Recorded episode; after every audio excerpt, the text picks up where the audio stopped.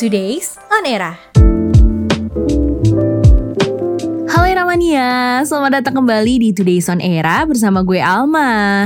Era Mania, kira-kira ada apa nih yang baru di tanggal 9 Februari 2022? Langsung aja nih ya, kita ke berita pertama. Jadi nih Era Mania, media pemberitaan dan media sosial sedang diramaikan pemberitaan soal desa Wadas. Contohnya nih, di Twitter tagar hashtag Wadas Melawan pun akhirnya diserukan. Sejak kemarin, tepatnya Senin 8 Februari, ratusan polisi dikabarkan mengepung Desa Wadas yang berada di Purworejo, Jawa Tengah. Eh, tapi kira-kira kenapa nih Ramania? Buat lo yang belum tahu, jadi sejak 2016 warga Wadas sudah melakukan penolakan terhadap penambangan batu endesit untuk proyek strategis nasional atau PSN yang bernama Bendungan Bener. Nah, penolakan ini emang udah sering nih dapat tekanan dari aparat kepolisian. Contohnya nih, pas September 2019, LBH Yogyakarta bilang kalau misalnya warga dikepung oleh polisi. Gak cuman itu, 11 warga pun sempat ditangkap. Nah, kemarin ini polisi mengepung Wadas untuk mengawal pengukuran lahan tambang batuan kuari sebagai bahan bendungan benar. Nah, pengukuran ini dilakukan sejak pagi hari ya Ramania. Dalam siaran pers gerakan Wadas Melawan, kemarin jam 1 siang tim LBH Yogyakarta udah dilarang masuk Wadas kalau misalnya nggak bawa surat kuasa. Warga di dalam masjid pun juga dikepung polisi nih dan nggak boleh keluar.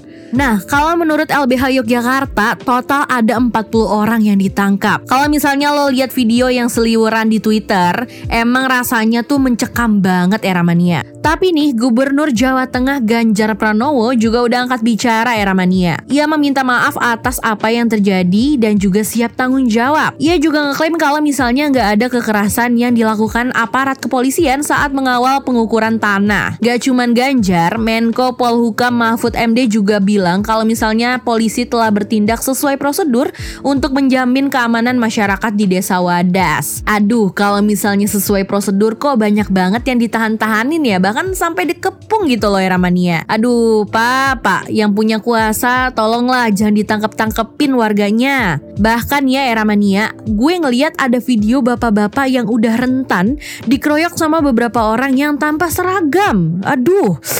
Hmm, ngeri banget ya Eramania. Ya udah, kita doain aja ya Eramania. Semoga masalah di Desa Wadas cepat dapat titik terangnya. Ganjar sih sebenarnya udah mau buka ruang diskusi nih Eramania, tapi LBH Yogyakarta menanggapi dengan penolakan. Bagi mereka udah jelas kok kalau misalnya warga Wadas menolak proyek bendungan bener ini. Sehingga kalau misalnya ada forum diskusi dianggap malah berujung ke pemaksaan warga untuk menyetujui proyek ini. Kalau dilihat di Twitter sih emang pernyataan pernyataannya Ganjar Pranowo soal Wedas ini lagi dihujani kritikan ya Ramania. Sama halnya nih sama Anang Hermansyah. Ya walaupun beda kasus sih, tapi 11-12 lah. Dia ini lagi dihujani kritikan karena token ASICS miliknya. Eh, tapi kenapa ya? Bukannya harga tokennya lagi melambung tuh? Ramania udah tahu kan kalau misalnya artis Anang Hermansyah ini meluncurkan token kripto ASICS. For your information, buat lo yang belum tahu nih Ramania, jadi token kripto ASICS ini punya tiga proyek yang akan dibuat. Yang pertama adalah congklak game P2E dengan tipe pay to earn, di mana orang-orang bisa mengumpulkan poin dan mendapatkan stable coin yang kabarnya nih bisa ditukar di Binance USD. Yang kedua adalah marketplace NFT. Yang ketiga adalah Nusantara Land Metaverse yang rencananya akan diluncurkan di Q3.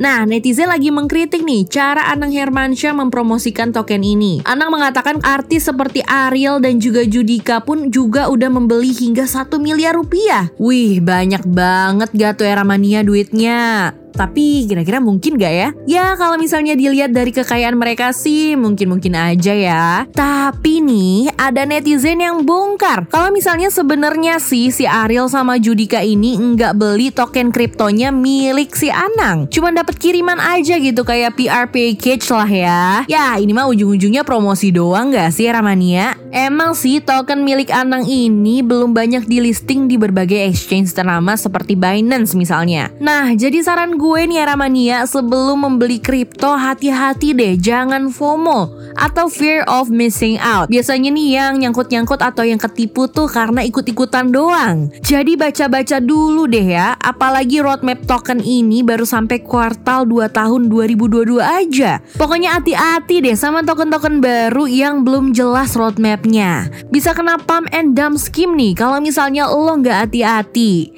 Jadi high risk, high gain ya Eramania. Dah, daripada pusing nih ya mikirin token kriptonya ASICS yang masih banyak pro dan kontranya, mending nyobain deh ya Holy Wings Bogor. Eits, gue nggak ngajakin buat mabu-mabuan ya, jangan salah nih. Soalnya di sana ternyata nggak cuman alkohol doang yang dijual, tapi buat lo nih yang mungkin nggak minum minuman beralkohol, mereka jual bandrek dan juga bajigur. Kan lucu ya Ramania. Bar sekelas Holy Wings jual bandrek dan juga bajigur. tapi kalau misalnya lo mau ke sana, mau ke Holy Wings Bogor, tetap jaga prokes ya. Apalagi sekarang lagi naik-naiknya nih Armania. Kalau gue sendiri nggak nyaranin sih, nanti dulu aja ya nunggu. Kalau misalnya virusnya udah lumayan ya kayak kemarin lah ya, landai gitu. Oke deh, kita balik lagi ya ke penjualan bandrek dan bajigur di Holy Wings.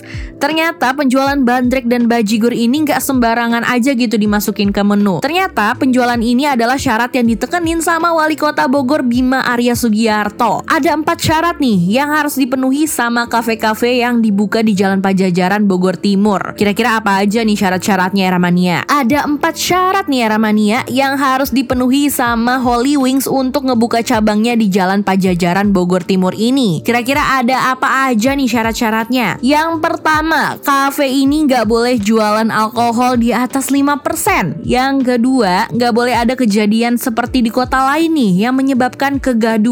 Misalnya, ada anak muda yang keluar dari Holy Wings dengan keadaan mabuk sampai tepar dan juga jackpot. Aduh, itu jangan ya. Yang ketiga adalah yang udah gue sebutin di awal nih Ramania. Bima Arya pingin ada minuman khas Sunda kayak bajigur dan juga bandrek untuk gantiin minuman keras. Dan syarat terakhir, Bima minta kalau misalnya Holy Wings matuhin aturan PPKM level 3 yang sedang diberlakukan di Bogor. Wah, gue lihat-lihat Holy Wings di Bogor ini rasanya kayak resto keluarga ya. Dari minuman kadar alkoholnya yang rendah, jualan bandrik dan bajigur, terus tutupnya jam 9 malam lagi.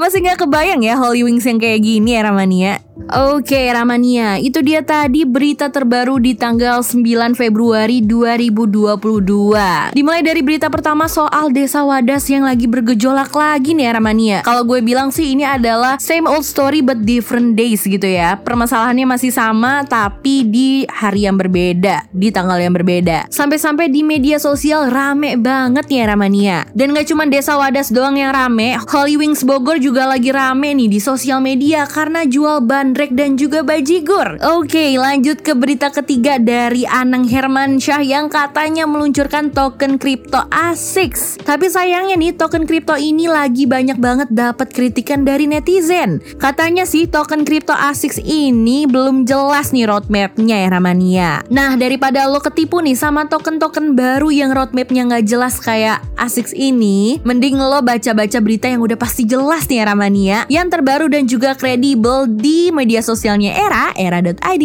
That is all for today's on Era. Bye-bye Era Mania. Eranya podcast. Now is the era.